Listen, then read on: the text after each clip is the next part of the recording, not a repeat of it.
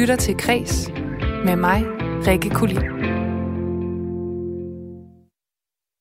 What would you think if I sang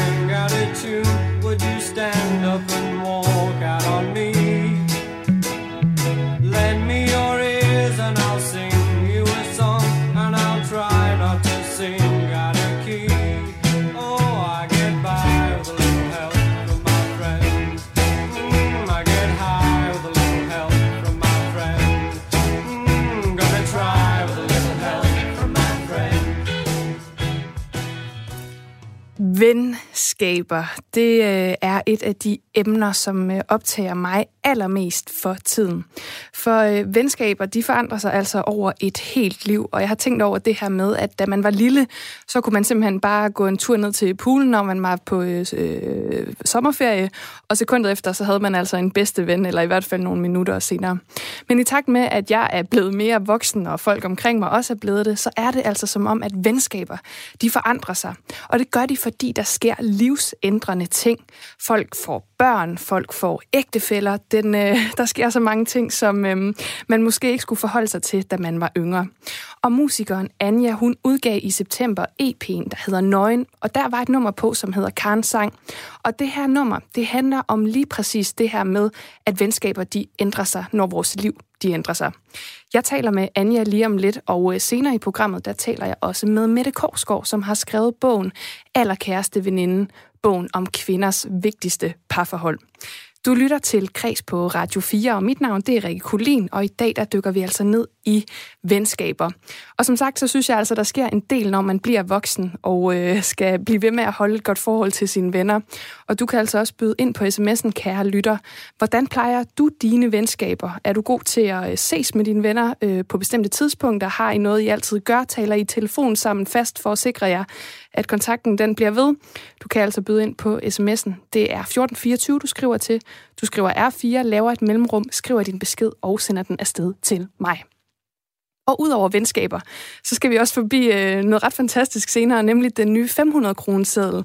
Og øh, vi har simpelthen designeren bag alle Danmarks øh, sædler i studiet senere. Og så skal vi altså også have uddelt årets sidste inspirationsstafet her i Kreds. Men kære lytter, inden vi kaster os over venskaber og sædler og inspirationsstafetter, så får du allerførst et overblik over de vigtigste kulturnyheder.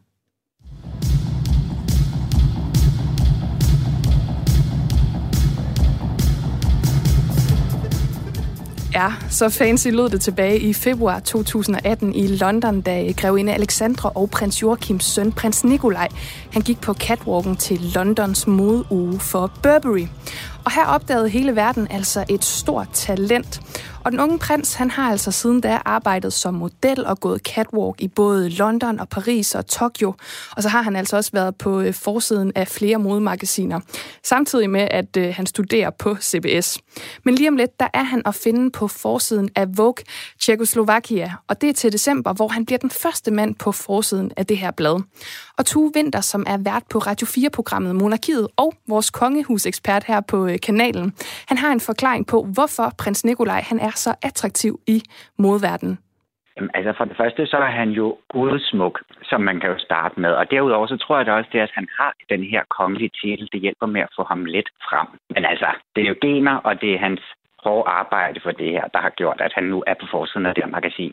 Og Tue Winter, han har også et bud på, hvad det betyder for kongehuset, at dets øh, yngre medlemmer, de altså ikke kun associeres, associeres, det var svært at sige for mig, med noget royalt.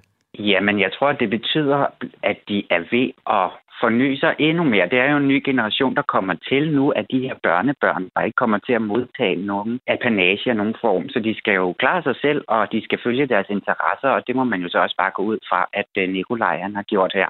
Det sagde altså Tue Winter, som er vært på Radio 4-programmet Monarkiet, og altså vores kanals kongehus-ekspert. Jeg ved ikke, om jeg har lyst til at starte aftenen med lidt champagne. Det lyder dejligt. Øh, jeg er en bil. Jeg skal bare have en øh, dansk vand øh, uden citrus. Uden citrus, ja tak. Ja. ja. Hæft, det er godt, det her. Øh, ja, det er sgu synd, du er så fornuftig.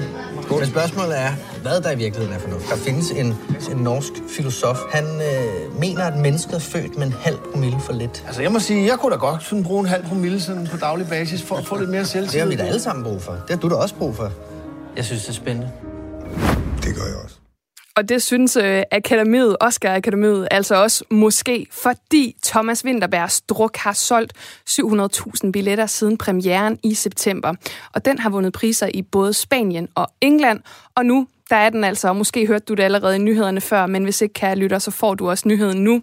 Den er blevet det danske bud på en vinder i kampen om øh, en af de største priser i filmverdenen, nemlig i kategorien bedste internationale film til Oscar-uddelingen 2021.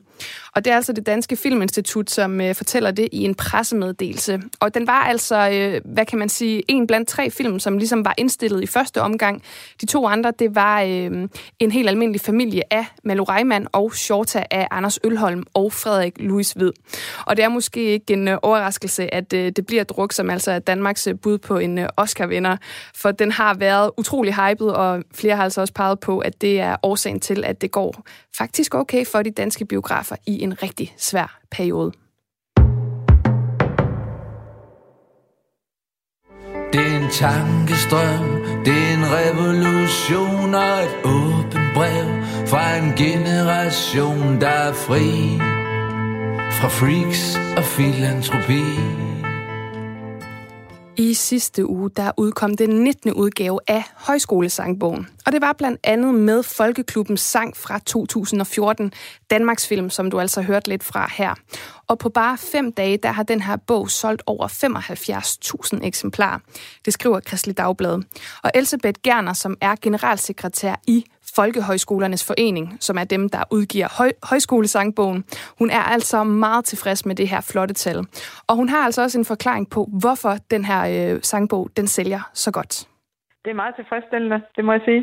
Altså det, at vi har solgt øh, så mange eksemplarer på ganske få dage, det vidner jo om, at højskolesangbogen er stadig øh, en højaktuel øh, sangbog, som taler til hele Danmark. Altså, der har jo været meget fokus på fællesang og på øh, højskolesang øh, i øh, de seneste måneder grundet øh, corona. Så jeg, vi tror da absolut, at, øh, at det er noget af forklaringen. Men hovedforklaringen er der, at det er en god bog.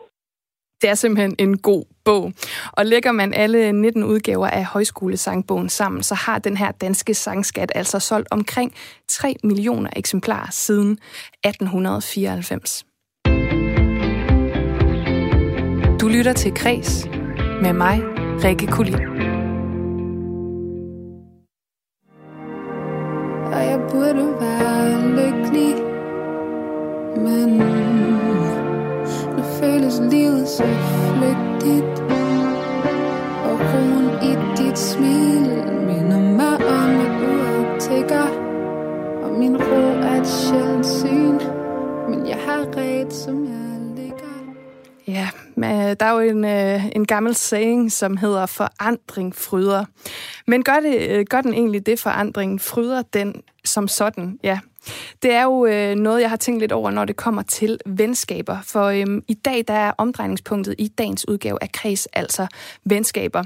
Fordi der er jo nogle tidspunkter i livet, hvor de venskaber, man har, de kommer til at forandre sig. Det kan være, når man starter på efterskole, eller måske på en ny uddannelse, eller flytter til en fremmed by, eller måske hvis nogen bliver gravid. For i slutningen af september, der udgav sangerinden Anja en ny EP med titlen Nøgen. Og hun skrev sådan her på sine sociale medier. Karens sang er ude. Den beskriver min frygt for at miste min bedste veninde til graviditet, baby og familieliv. For i takt med, at hendes mave voksede, kom vi længere og længere væk fra den nærhed, vi havde haft i over 15 år. Jeg elsker dig, Karen Beldring. Og nu kan jeg altså sige velkommen til øh, den person, som har skrevet de her ord, det er nemlig Anja Pil Christoffersen, eller bare Anja. Velkommen til Kreds. Tusind tak. Mange tak. Altså, øh, Anja, nu kom du jo lidt ind på det her, men måske skal vi lige have alle med. Altså, hvem er Karen, og hvordan blev hendes sang til? Karen er min bedste veninde igennem rigtig mange år. Igennem 15 år eller mere. Og øh, hun er på mange måder sådan min makker, altså min partner igennem ungdommen, synes jeg. Og øh, har bare betydet enormt meget for mig. Øh, og vi har sunget rigtig meget sammen, og altså lavet mange ting, både øh, privat og professionelt, og været en stor del af hinandens liv. Og øh, da Karen så ligesom kom og fortalte mig, at hun øh, var gravid, Jeg tror, hun ringede til mig den dag, hun øh, tog testen. så, så det var meget sådan, øh, det var meget, ja, det hele skete ligesom bare meget hurtigt og var meget voldsomt, synes jeg på en eller anden måde, fordi at, at jeg kunne mærke, at jeg var ikke kun glad. Jeg var også lidt sådan trist over den ændring, det ville medføre, og, og var lidt bange over, om, eller sådan, jeg kunne mærke en frygt for, at vi ville glide fra hinanden i det, i, i hendes moderskab og i hendes nye fokus på familieliv og de ting, der følger med. Og så tror jeg, Karens sang var ligesom min helt umiddelbare reaktion på det. Og en sang, hvor jeg, altså en sang, som indeholder nogle følelser, som jeg på ingen måde jo er stolt af. Altså, kan du sætte Men... øh, nogle, nogle ord på de følelser? Fordi altså, jeg har faktisk diskuteret det her med, med flere øh, øh, venner og kollegaer med, at ja. jamen, nogen man elsker så meget, at de, øh, de fortæller, at de skal have børn, og ens tanke kan jo selvfølgelig godt være, hold kæft, hvor er jeg glad på din vegne, men jeg kunne i hvert fald godt altså, sætte mig ind i den der sorg, det også øh, fører med. Kan du prøve at fortælle lidt om den der ambivalens? Ja, altså jeg tror, at, øh, at ambivalensen ligger i, at man jo øh, er rigtig glad på sin venindes vegne, men også ret øh, trist på sin egen vegne, fordi at, øh, at man måske ikke selv er der endnu. Så det kan godt komme til at føles som sådan et tog, der ligesom bare kører, hvor man ikke øh, har fået købt billet. Altså en, en livsudvikling, som ligesom sker, uden at man øh, har fået... Altså, uden at det er gået op for en. Sådan føles det i hvert fald for mig. Øh, at, at Karens liv rykkede sig lige sådan et, et syv mile skridt, eller syv mile og jeg var ikke, øh, der var jeg slet ikke endnu, så det fik mig også til sådan at reflektere meget over mit eget liv og min udvikling, og hvad jeg ligesom gik og havde gang i. Øhm, fordi man spejler sig jo i sine venner. Og, og, og ens venner, altså jeg synes tit, det der er smukt ved at have venner i 20'erne, det er jo lige præcis, at man også sådan kan gøre alting sammen. Altså at man, man er så meget samme sted i livet, at det hele bare sådan bliver meget symbiotisk. Og, og der tror jeg bare, jeg oplevede, da Karen så blev gravid og ligesom skulle have sin baby, det var, at symbiosen ophørte. Øhm, og det gjorde bare lige, det gjorde ondt til at starte med. Var det så noget, du kunne ligesom tale med nogen om? Altså, kunne du overhovedet tale med Karen om det? For jeg tænker, at det er enormt altså, sårbart at skulle tale om, med sin veninde om. Eller var det så her, du ligesom, hvad kan man sige, gik til noget af det, du er jo rigtig god til, nemlig at skrive musik og øh, fortælle om dine følelser gennem det. Præcis, og jamen det, det øh, altså jeg skrev Karen-sang, og det blev måden for mig at bearbejde det her på. Og jeg vidste, at den dag, jeg skulle spille den for Karen, det ville blive, det ville blive en ordentlig omgang. Altså, det ville blive følelsesladet for os begge to. Og, øh, og jeg var meget sådan, jeg kan huske, jeg havde ikke lyst til at spille den for hende, før, før den var helt færdig, før produktionen lød helt rigtigt, og den skulle helst også lige være mixet og mastereret, og sådan være, være helt klar i udtrykket, før jeg spillede den for hende, fordi at hun jo betyder så meget for mig, og jeg vil blive så ked af det, hvis hun, øh, hvis hun opfattede det som en kritik. Altså, det var vigtigt for mig, at hun virkelig også så det som sådan, hey, det her er hårdt for mig, eller mellem os, og, men nu er det omdannet til noget kunst. Øhm, ja, jeg kan huske, jeg, jeg var meget sådan bange for, at hun ville opfatte det som noget Altså som, som at jeg var kritisk mod hende eller hendes valg. Øhm, fordi sangen er sådan lidt, jeg ved ikke om man vil sige, at den er bebrejdende, men den, den har da sådan lidt, nå fedt nok, så smutter du bare-agtige undertoner, ikke? Men hvordan, øhm, hvordan reagerede hun så? Jamen hun er jo heldigvis bare verdens øh, mest vidunderlige menneske, og hun var bare, hun synes bare, at den var helt vildt god, og var helt vildt rørt over, at jeg havde skrevet en sang til hende. Og vigtigst af alt, så kunne hun totalt relatere til følelserne, fordi hun havde det jo på samme måde. Altså hun var, havde de samme, den samme angst, den samme frygt for at glide væk fra sine venskaber og fra mig. Øhm, så heldigvis endte det med at blive noget, der ligesom samlede os lidt, fordi vi kunne, vi kunne enes om den følelse der. Er det så noget, altså, måske skal vi lige gemme det tilbage efter, fordi nu er der jo sket det, at du selv er blevet gravid, og stort tillykke med det ja. selvfølgelig. tak skal du have, Rikke. Der ligger seriøst to mennesker og baks rundt i min mave lige nu. Men det kan jo ikke beskrives bedre. Altså, med to ja. mennesker i maven lige nu, der bakser rundt, og der kan ja. man jo sige, at du på en måde også er blevet til Karen, altså er kommet med over på, på hendes hold, hvis man kan udtrykke det på den måde. Har du ja. kunne bruge det til at forstå, hvad det var, der skete, både med hende og med dig, da hun fortalte om sin graviditet? 100 procent. Det har jeg. Altså, det, det, det har jeg jo. Og jeg har også måske særligt en veninde nu, sådan, hvor jeg godt var bevidst om, at jeg, jeg var Karen i det. Altså, jeg, jeg var øh, ikke sådan i... altså, men på en måde, hvor at, at jeg, jeg var dråben, der fik bæret til at flyde over. Altså, hvor at alle hendes veninder seriøst havde fået børn nu, ikke? Eller var blevet gravid og sådan. Så jeg tror, at Karen Sang har lært mig, at når man kommer til sin veninde, øh, og skal fortælle, at man er gravid, så kan man måske sådan sige, jeg er gravid, men jeg håber virkelig, at vi stadig kan være tæt, eller jeg vil arbejde for, at vi stadig kan være tæt, eller jeg husker dig, eller vi to er stadig vigtige. Altså, at der er nogle andre perspektiver i det, end, end kun, hurra, nu kommer der en baby. Altså, fordi det er selvfølgelig en vild lykkelig ting, det er en helt vild dejlig øh, begivenhed i vores allesammens liv, når det sker, men, men øhm, der kan være mange følelser indblandet. Og det tror jeg, at Karen sang har hjulpet mig til at forstå. Og nu nævner du så det her med, at øh, det måske er med til at altså, give et lidt sådan en større nuancering af alle de følelser, der ligesom følger med i, at, øh, at sådan nogle livsændrende ting sker. Men i forhold til jeres venskab, altså hvad har det så gjort ved det nu? Fordi du, som du selv beskriver, så er det jo noget, som øh, I også har snakket om. Hvad har det givet jeres venskab? Og øh, ja, altså, hvilke nuancer er der kommet på nu?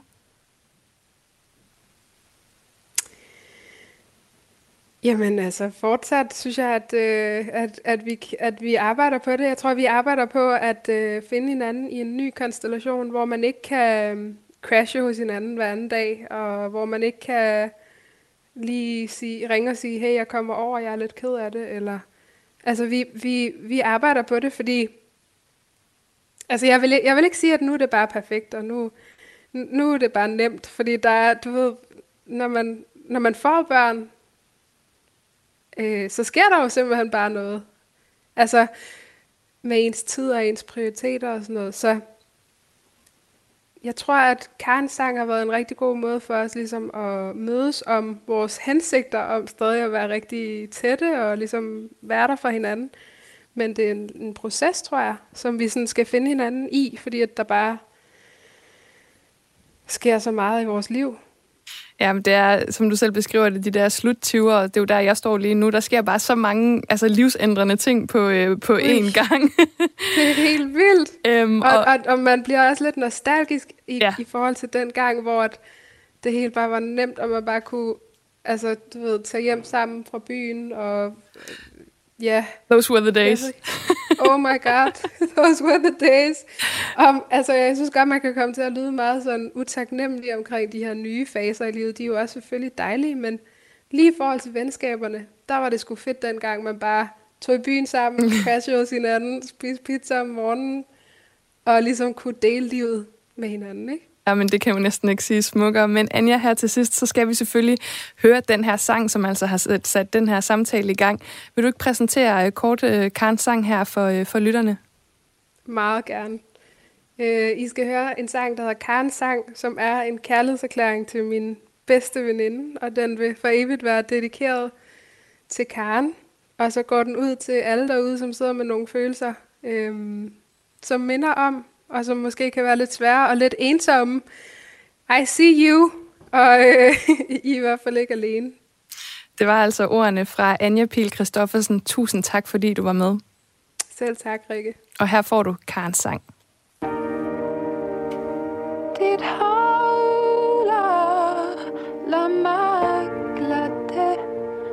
for det er mig, der kender de våde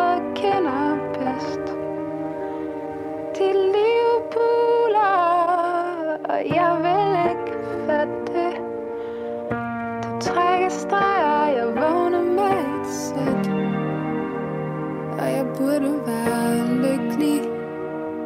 Men nu føles livet så flygtigt.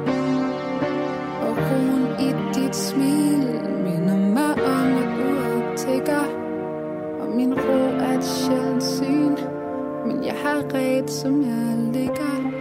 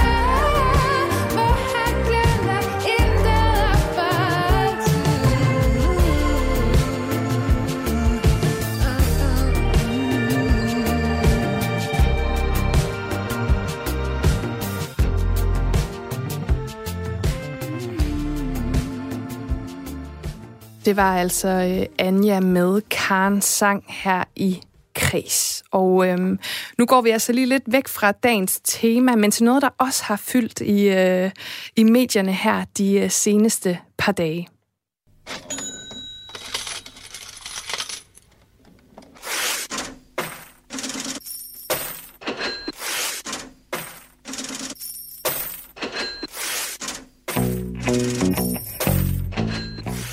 Yes, det er nemlig, måske hvis du kender den her sang i hvert fald, så ved du godt, hvad det skal handle om nu. Det skal nemlig handle om penge, for der er en øh, ny pengeseddel på gaden, på en måde i hvert fald. For den danske 500 kroner seddel fra 2011, den er altså blevet opdateret, og den bliver nu trykt i Frankrig. Og derfor så tager vi altså lige et kig på designet bag de danske pengesedler. Og nu kan jeg sige velkommen til den person, der står bag dem. Det er nemlig dig, Karin Begitte Lund. Velkommen til Kreds. Tak. Du er jo øh, kunstner, tegner og grafiker, og altså kvinden bag de fem øh, pengesedler, som vi har her i øh, landet, og de er altså originalt lavet tilbage mellem 2009 og 11. For det var jo sådan, at du i 2007 vandt den her konkurrence om at tegne den nye danske pengeseddelserie. Og øhm, der var jo bestemt, at der skulle være fem broer på, men øhm, hvordan greb du ellers den tegneopgave an? Øhm, altså, øh, altså, da, da jeg var blevet altså, spurgt om, om jeg ville øh, være med i en konkurrence om øh, de nye pengesedler, øh, der, havde, øh, der, der var som sagt broerne bestemt, og, og fem forskellige typer broer. Altså en, en hængebro og en øh, øh, klapbro og, og så videre. Forskellige typer broer. Og de var også placeret forskellige steder i, i landet. Øh, vi havde tre måneder til at lave en helt færdig sædelserie. Øh, det vil sige, altså både designet, og det er klart, altså jeg kunne ikke på den korte tid tegne, men derfor så måtte jeg jo så bruge foto, og det vil sige, at jeg øh, tog landet rundt og fotograferede broerne, øh, og men det springende punkt i den her opgave, det var faktisk, hvad der skulle på bagsiderne af sædlerne. Og, og der havde jeg mange, mange forskellige øh, mul- eller forslag, kan man sige. Øh, det kunne være skibsfart, det kunne være dansk design, det kunne være øh, natur og så videre. Men, men øh, til sidst så endte jeg altså med, med øh, ideen om danske oldtidsfund, fordi de er så enestående, og de er, altså for at bruge sådan et moderne udtryk, langtidsholdbare. Altså de, de til, til al evighed er de altså så utrolig smukke, og altså bare sådan noget som solvognen, altså den synes jeg altså simpelthen måtte på en 1000 kroner. Ja, solvognen på 1000 kroner ja. det er klart. Men nu har ja. vi jo, øh, altså man kan jo sige, det er jo lidt 500 kroner som er i, ja. øh, i centrum i dag, fordi det er jo den, der er blevet nyoptrykt her i Frankrig. Hvad er det, der er bag på 500 kroner? Ja, det er kældbykarret, som øh, er fundet øh, på Møen, og øh, altså, øh, hvad folk måske ikke er klar over, det er, at øh, der faktisk er årstider på sædlerne. Og, og 500 er blå i blå nuancer, og derfor er det en vinterseddel. Så jeg har faktisk cyklet rundt nede i et vinterlandskab for at lede efter gravhøje og, finde, og, og se det sted, hvor kælbykaret er fundet. Og der kan man sige, at kælbykaret skiller sig ud fra de andre motiver ved, at den er sådan, øh, det er, øh, den er gået, det er sådan et kar, øh, som er gået lidt i opløsning. Der var sådan en ældre dame, der sagde til mig, sådan en gammel russenspand kan man jo ikke have på en pengeseddel. Men jeg synes faktisk, der er netop der er noget spændende ved, at den sådan er gået i opløsning, og man fornemmer tidens tand. Altså, at, øh, at den har mange år på banen. Og du står jo med, øh, jamen du står jo faktisk med alle sædlerne foran os her ja. i, øh, i studiet, og også øh, den gamle 500 kroner tilbage ja. fra, øh, da den udkom i 2011, mm-hmm. og så den nye, som nu er blevet genoptrykt i de her dage, som altså øh, bliver øh, trykt i Frankrig. Så du har jo øh, været forbi Nationalbanken i dag for at købe sådan en. Altså, ja hvordan vil du, og du er jo designeren bag det her, eller bag den her seddel, men det er jo ikke dig, der trykker dem. Altså, hvordan Nej. vil du som designer bedømme den her nye version, som er ude? Hvor, hvor I ligger forskellen fra den gamle 500 kroner seddel? Altså, den, den mest op, øh, ty, tydelige øh, forskel er, at den, øh, seddel, den der, øh, det hedder Motion, men det har jo nok fået et nyt navn nu, men øh, der går sådan en, en, øh, en, en bjælke ned igennem. Den er flyttet fra bagsiden om på forsiden. Og den har også en anden, den er sådan lidt mere grov i det, og der, der er tre øh, sådan små, øh, hvad skal man sige, stykker i forhold til de fire, der var på den gamle. Den har også fået en anden farve, en, en rød, øh, og, og, og, og det er jeg ikke så glad for, fordi jeg synes, der var noget smukt ved, ved den øh, okkerfarve, der passede til spanden. Men nu er den så kommet på forsiden. Man har også flyttet Nationalbankens øh, øh, øh logo, kan man sige, øh, til højre på sedlen. Og der er også en anden, lidt øh, ret tydelig for mig, måske ikke for andre. Nej, det, det, det er designeren det, det er lige præcis det. Man skal lige tænke på, altså der, der, der er to ting ved denne her sag. Det er, at man jo har nedlagt øh, øh, sædelafdelingen i Nationalbanken, som var et fantastisk øh, værksted, altså og nogle trykker uden lige. Og nu kommer, øh, flytter man så øh, til Frankrig, hvor det er et helt andet trykkeri, og derfor kan man jo ikke regne med, at de kan blive fuldstændig øh, identiske. Og, og øh, der kan man også godt se, at jeg synes, at spanden er, står ikke så, klinger ikke så meget. Den er, den er mere ligesom lukket sig lidt. Og, og de har også, altså med det må være øh, designerne i Nationalbanken, der har, der har tegnet en kontur rundt om, om kortet på bagsiden. Det, det har jeg ikke set før. Det kender Altså, det er også noget nyt. Men altså, når jeg sådan kigger sådan hen over den, så synes jeg, de har ramt meget godt. Jeg synes ikke, det er så slemt. Eller hvad skal man sige? Altså, de, de kommer nogenlunde godt igennem det. Ja, men når, når nu det er det design, der er på. Altså, ja. vi står jo her med uh, de fem sædler, som findes. Altså, selvfølgelig 50 kronesedlen, 100 kronesedlen, 200 kronesedlen, 500 kronesedlen og ja. 1000 kronesedlen. Ja altså, nu ved jeg godt, at man kan sige, for de fleste vedkommende, så er det nok 1000 kronesedlen, der er favoritten, fordi det er ja. ligesom den, der, har, øh, der er mest værd. Ja. Men hvilken en af dem er egentlig din egen favorit? Øh, det, er, det er 500 og 1000. Men altså på den anden side, altså jeg er også glad for 200, så det er lidt svært at sige. Øh, men øh, ja, jeg, jeg, jeg tror nok, at 1000 kronesedlen holder jeg allermest af. Ikke fordi den er mest værd, men fordi altså solvognen og Ja, men det er også det er klart min favorit. Prøv at høre, ja. jeg vil sige tusind tak, fordi du kom forbi. Karin Begitte Lund, ja. som altså er kunstner og designeren bag de nuværende danske pengesedler. Tak, fordi du var med. Selv tak. Keep smiling, keep shining, knowing you can always count on me. For sure,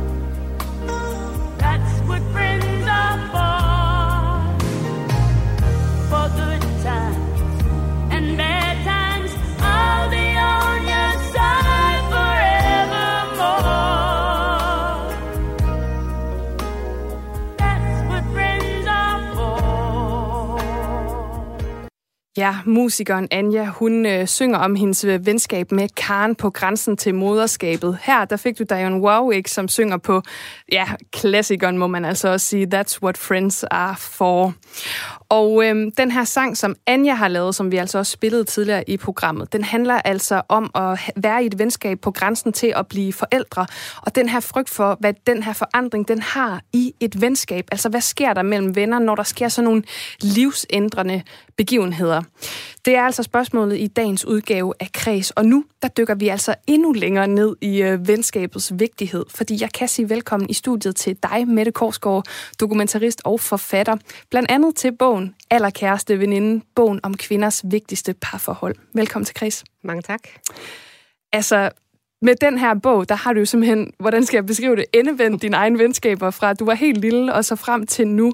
Hvor, hvordan kan det være, at venne- og venindeskabet, det er så spændende, at du simpelthen har valgt at dedikere en hel bog til det? Altså, det er der faktisk tre grunde til. Den ene grund, det er, øh, det er at, at jeg selv er, øh, altså selv har haft mange veninder gennem mit liv, og øh, allerede, altså, så, da jeg, altså, netop de der forandringer, som I taler om, at da jeg var 13 år, flyttede vi fra Aalborg, og 35 km syd for Aalborg, og jeg mistede alle mine veninder, og jeg græd virkelig længe, indtil jeg fik nogle nye. Og da jeg flyttede igen til Aarhus, så skete det igen, at jeg ligesom, at det der, at de ikke følger med på en eller anden måde mentalt, og her for 10 år siden flyttede jeg så fra Aarhus til København og har oplevet det igen. Den anden grund, det er, at så har jeg jo tit, altså når jeg har altså både glædet mig over veninder og slået mig på veninder, sådan tænkt, hvad er der egentlig af litteratur om det her? Og jeg synes simpelthen, at det manglede. Og så gik jeg selv i gang med at undersøge det, og det, det jeg så har fundet ud af, som er den tredje grund til, at jeg kom i, at jeg kom i mål med bogen, det er, at jeg kan jo se, at veninder har simpelthen en renaissance og venner i det, venskaber i det hele taget. Altså sådan for 200 år siden, der var det der med venskaber, der var man, altså det var næsten det romantiske forhold, fordi ægteskaber, de var sådan mere sådan små firmaer og virksomheder, hvor det hele skulle gå op, og generationer skulle føre vid, føres videre. Hvor venskaberne, der var, altså, var faktisk ret intime, og, øh, og man kaldte hinanden øh, sin elskede, og, og det synes jeg, det kan jeg se, det er simpelthen ved at komme op igen. Altså jeg kan jo høre, måske ikke lige i øh, Suldrup, hvor jeg er vokset op, men, men i, øh, i hvert fald i København, at, man, at kvinder kalder hinanden for skat, og øh, du er bare det skønneste for mig, og det synes jeg er ret fascinerende, den der nærhed, der kommer i det. Og jeg tænker, det er også i forbindelse med øh, netop det der med, at vores ægteskaber og parforhold, altså de er så hvad hedder det, sådan, vi ser monogame, ikke? Altså går fra det ene kæresteforhold til det andet. Men det der med veninder, den der bund, den er simpelthen, den, den er uundværlig. Altså vi kan godt undvære mænd, øh, altså ja, i princippet, ikke? Men altså, at det der, at venskaberne bliver det mere fundamentale. Men du siger det her med, altså, at venskaber har fået en øh, renaissance. Det er en af de ting, du har fundet ud af. Altså, hvad skyldes det? Jamen netop det der med, at vi, øh, at vi er seriemonogame, ikke? At det er at der er, øh, altså specielt i storbyerne faktisk, virkelig mange single kvinder, øh, og, og også mange, der beslutter sig for at få børn selv. Og, altså, vi, det er jo altså ægteskabet var jo engang så ligesom det ene, altså, altså hvis du som kvinde ville lykkes, så skulle du have det der ægteskab på plads, og dem, der ikke havde det, de blev kaldt skyggetanter og alt muligt andet, som ikke lød særlig godt øh, men måske var meget fascinerende, og det der fascinerende liv, det er ligesom blevet, det, det er blevet løftet op igen, også i takt med, at det er blevet en nødvendighed, fordi der er så mange, der er, øh, altså, er, ja, ikke har sin ægte mand igennem øh, hele livet, ikke? at vi øh, lever på kryds og tværs. Ja, der er jo helt klart sket noget med øh, måden, vi lever på, og hvor længe vi også er sammen med folk. Og det her med, som du netop siger, altså fordi der er sket nogle samfundsmæssige ændringer, så har en kvinde ikke længere på samme måde brug øh, for en mand. Men det gør altså også, at øh, undertitlen på den her bog, det er jo bogen om kvinders vigtigste parforhold. Mm. Altså det vigtigste parforhold, det er jo også noget af et statement. Hvorfor er det, altså venskabet, kvindens vigtigste parforhold? Altså, det er ikke for at sætte det op imod manden, eller i modsætning til manden. Det var virkelig også dejligt at have en mand, synes jeg. Men øh, det, altså, når jeg skriver det vigtigste parforhold, så er det... Øh, altså, du kan, du kan godt leve uden en mand, men du kan ikke leve uden en ven eller nogle venner. Altså, det er sådan grundlæggende det. Og, ja, altså, og der er jo mange, der har virkelig fine historier med os fra, hvor de også har haft et godt ægteskab midt i, men jeg har blandt andet min svigermor, som er 88 nu. Hun havde, da hun var ung øh, og fik sit første barn, så mødte hun andre kvinder i, i nærheden, som også fik børn, og de fandt sammen og drak kaffe sammen hver fredag, og det har de gjort hele deres liv. Og så øh, inddrog de mændene på et tidspunkt, og mænd dør jo øh, før, eller statistisk set, og også i det her tilfælde, øh, før kvinderne, og så, øh, så, så sidder kvinderne tilbage og har hinanden igen. Så det er jo et, et, et, øh, helt uundværligt fundament, de der venindeskaber. Og så synes jeg faktisk, at der har været sådan en tendens til, i, altså når vi har talt om veninder, at vi sådan ligesom, ej, det er sådan noget venindefnid, og de der piger, de kan heller ikke finde ud af det, og de er virkelig hårde ved hinanden, og kvinde, kvinde værst. Og, så jeg synes, at det var øh, værd at kigge på med nye øjne og sige, hvad er det egentlig, det kan, det her? Og altså, vi taler jo netop om venskaber i dag med udgangspunkt i øh, Karens sang fra den her EP, som Anja har lavet, der hedder Nøgen, som udkom i september.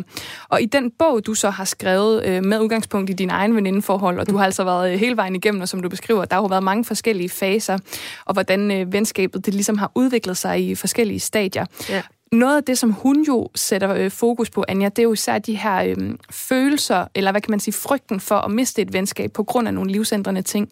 Er det noget, du også selv kan genkende, øh, du har oplevet?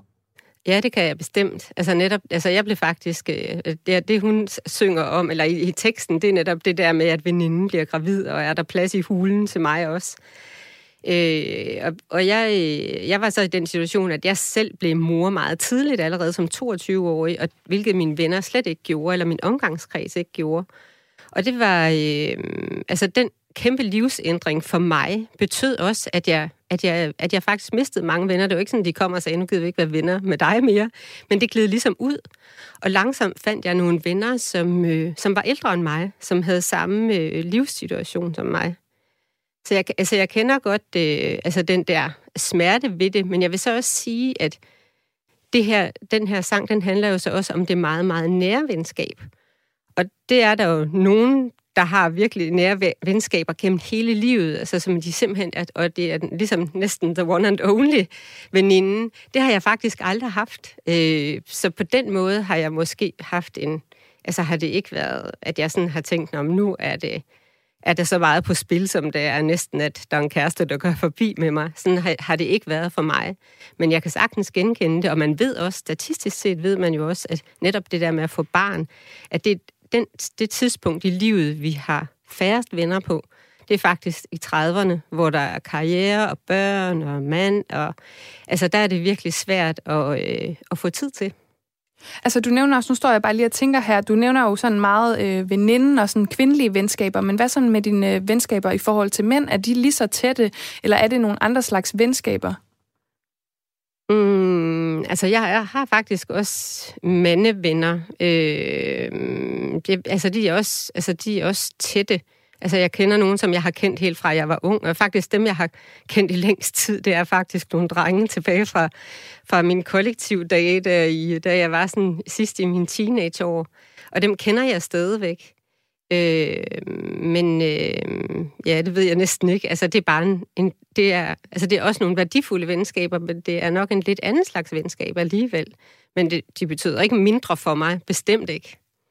Og apropos øh, øh, sådan forskellige slags venskaber her, så noget du fokuserer på, som jo, og det er jo så uanset hvem man er venner med, tænker jeg, hvilket slags køn de har, så har du altså øh, undersøgt øh, udfordringer og prøvelser i venskabet. Du giver nemlig de syv dødsønder, og nu skal jeg lige se, om jeg kan ramse dem alle sammen op.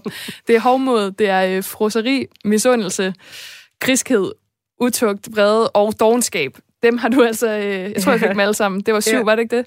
En, øh, sådan en venskabs... Jeg ikke talt. Nej, vi, vi siger, det var dem alle syv. Du bliver nok ringet ind, du mangler en. Jeg fik i hvert fald hovmod. Det er den, jeg altid kan huske selv, fordi den synes jeg selv, jeg har ret meget af. Nej, øh, dem har du altså givet sådan en øh, slags øh, venskabsoverhaling i bogen. Altså, ja. hvad indebærer det? Jamen, det indebærer jo det der med, at venskaber, altså lige så støttende og uundværligt og varmt det kan være, så kan det jo også nogle gange være virkelig, virkelig svært. Og så kan man opleve, så derfor prøvede jeg at sætte det ind i en ramme. Og hvor jeg tænker hovmod, som du så nævner, altså det det der med, at man, hvor jeg tænker nogle gange, at at vi alle sammen skal huske at tænke os om, før vi siger noget. Der kan jo godt være noget, der kan være, øh, der kan være særligt stødende. Og hvis man så ikke er parat til det venskab, ligesom at tage det op og, og vende det der, som jo er et hovmod, at hvis man ligesom siger, Nå, ja, jeg hørte dig i radioen. Ja, hvis jeg ikke havde været din gode veninde, så havde jeg jo ikke hørt det færdigt.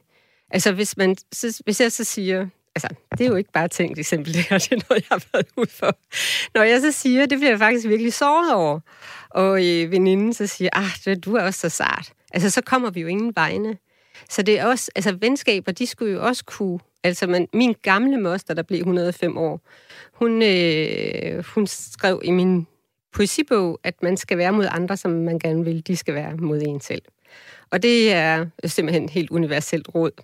Og øh, jeg vil ikke øh, afvise, at jeg selv har været hovmodig, men jeg, men jeg tænker, at hvis jeg skal give et godt råd, så er det i hvert fald, når der er nogen, der, der nævner, at man rammer hårdt. Altså, så hvis man gerne vil det venskab, så er man jo til at lytte. Ja, men jeg tænker også sådan, listening is the key. Altså det der med at slå ørerne ud. Men jeg synes faktisk, det er virkelig interessant, det her med de syv dødsønder. Fordi når jeg står sådan og tænker over dem, altså sådan en dødsønd som, som dogenskab, den kommer jo også ind og ødelægger et venskab, hvis man bare tager det for givet. Altså det der med, at man bliver for doven, fordi man tænker, at den her person er der altid for mig. Ja. Fordi vi hører jo tit, du ved, at man, man skal gøre sig umage et parforhold, fordi ellers så er man uattraktiv for sin partner, hvis ikke man bliver ved med at prøve gennem hele livet. Men det er jo ikke sådan noget, vi snakker om i forhold til venskaber.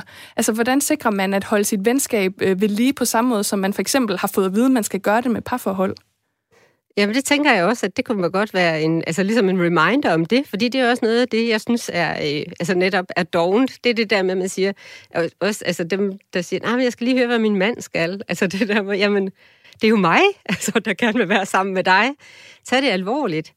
Øh, men det tror jeg også, at vi er begyndt at gøre i langt højere grad. Og jeg, jeg tænker, at altså noget af det, jeg har fået ud af at skrive den her bog, også udover at jeg synes, at jeg er sådan almindelig klogere, så, så har jeg faktisk interviewet nogle af mine gamle veninder, og jeg har også interviewet den veninde, som jeg er tættest på øh, nu her, efter jeg er flyttet igen, har jeg fået en øh, virkelig tæt veninde, og så bad jeg hende om at øh, skrive til mig. Altså så skrev vi faktisk til hinanden, hvad det var, vores øh, venskab betød, og hvorfor vi var blevet venner. Og det har virkelig øh, styrket vores, nu har jeg nær sagt, parforhold, vores øh, venindeskab, og gjort det endnu mere interessant, end det egentlig var i forvejen. Jamen, altså det du beskriver her, det er jo ligesom, at du har rejst tilbage i nogle venskaber, og også kontaktet nogle gamle veninder, som måske var flyttet sådan lidt ud i sandet, eller sådan en kommunikation mellem jer. Ja. Og det er noget, jeg sådan altså, jeg kan jo godt genkende det der med, at der er nogen, man sådan virkelig savner, hvor det sådan, man har lidt slået op med hinanden, men faktisk uden at gøre det, det er bare sådan, det er ja. smuldret lidt. Altså, er det noget, du kan anbefale lytterne, men måske især også mig, at, at gøre? Altså, hvorfor, hvorfor er det, man skal kaste sig ud i det? For jeg, tæ- altså, jeg tænker også, det er skræmmende, netop det der med, jamen, hvad nu hvis hun ikke vil mig? Altså, skal man bare kaste sig ud i det? Ja, altså hvad, hvad du om, om du skal gøre det forbi med den veninde, du Nej, træt faktisk af, omvendt. Det, nej, jeg er ikke træt ja. af nogen. Nå, okay. Øh, men det der med de der, der er røget ud i sandet, altså dem, ja. der ligesom er, øh, hvor man ikke rigtig snakker med hinanden længere, man ikke rigtig ved, hvad var det, der skete, hvor det er sådan lidt usagt det hele. Ja, så vil jeg i hvert fald øh, tage, altså hvis det er noget, der betyder noget for dig, altså hvis du tænker, at det her, det betyder virkelig noget for mig, jeg synes faktisk, vi havde en god tid, og ja, det tror jeg, vi kunne få igen, altså så vil jeg da opsøge veninden og sige, øh, skal vi ikke mødes og snakke, og og, og være åben og sige, jamen det øh, kan vi ikke, øh, kunne vi finde ud af noget igen, og jeg kan måske godt forstå, og jeg har også selv haft travlt. Altså man ligesom også får spurgt hinanden om nogle ting. Det har været min erfaring med det her, altså med, også med de veninder, som jeg ikke har set meget længe, og at vi har talt sammen igen, og i hvert fald skrevet sammen igen på mail, og ligesom fortalt, om jeg husker det sådan, og du husker det sådan. Det har været så interessant for begge hold. Men det kan jo også godt være, at vi bare finder ud af i det der skriveri, at det går op for en, nå jamen, det var jo derfor, at det bare æbbede ud, men det var en god tid, vi havde dengang. Jamen altså, øhm, opfordringen er, man kan være, der er til skade i hvert fald ikke noget at prøve, hvis bare jeg tænker, at kontakten den er øh, ordentlig. Jeg vil sige uh, tusind tak, fordi du var med, Mette Korsgaard, dokumentarist og altså forfatter til Allerkæreste Veninde, bogen om kvinders vigtigste parforhold. Tak, fordi du var med. Selv tak. Du lytter til Kres med mig, Rikke Kulin. I Kreds, der hylder vi hver onsdag inspirerende mennesker i det danske kulturliv. Det er øh, dem, som øh, folk vil kalde et forbillede. Det er folk, der tager initiativ, flytter nogle grænser og stiller nogle spørgsmål. Det er dem, der provokerer, går forrest og skaber forståelse. Det er dem, der inspirerer. Og øh, vi har jo haft den her inspirationsstafet et øh, godt stykke tid, og faktisk i dag så er det sidste gang, at vi skal uddele den. Og dagens inspirationsstafet, den går til dig, Lo Azar. Velkommen til Kreds. Tusind tak skal du have. Lo, du får lige sådan en her.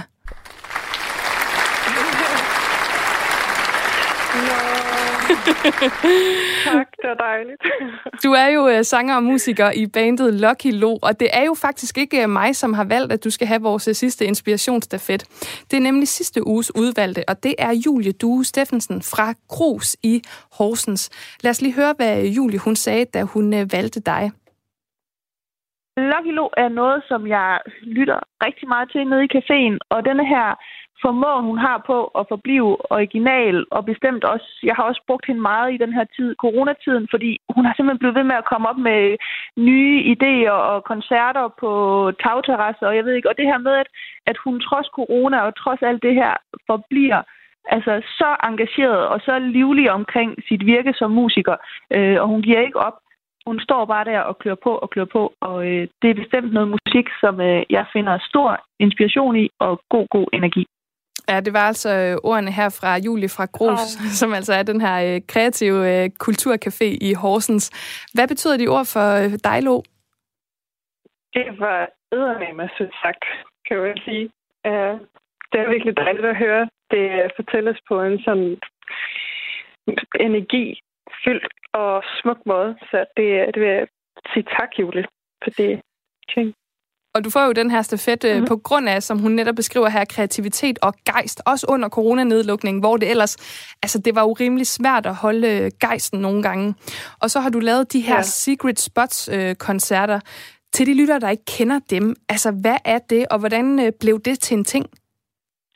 Altså, det var jo fordi, at vi, øh, var mange musikere, som øh, stod i en situation, hvor alle vores job blev aflyst et efter et, og øh, mange af os, eller det er helt klart, de fleste af os, havde jo en sommer planeret med øh, arbejde, som forsvandt rigtig hurtigt. Og det her Secret Spot-koncert, det var altså mig og to andre kunstnere, Nick Martin og Albert Carr, som tog initiativ om at finde nogle spots, som vil være gode og coronasikre.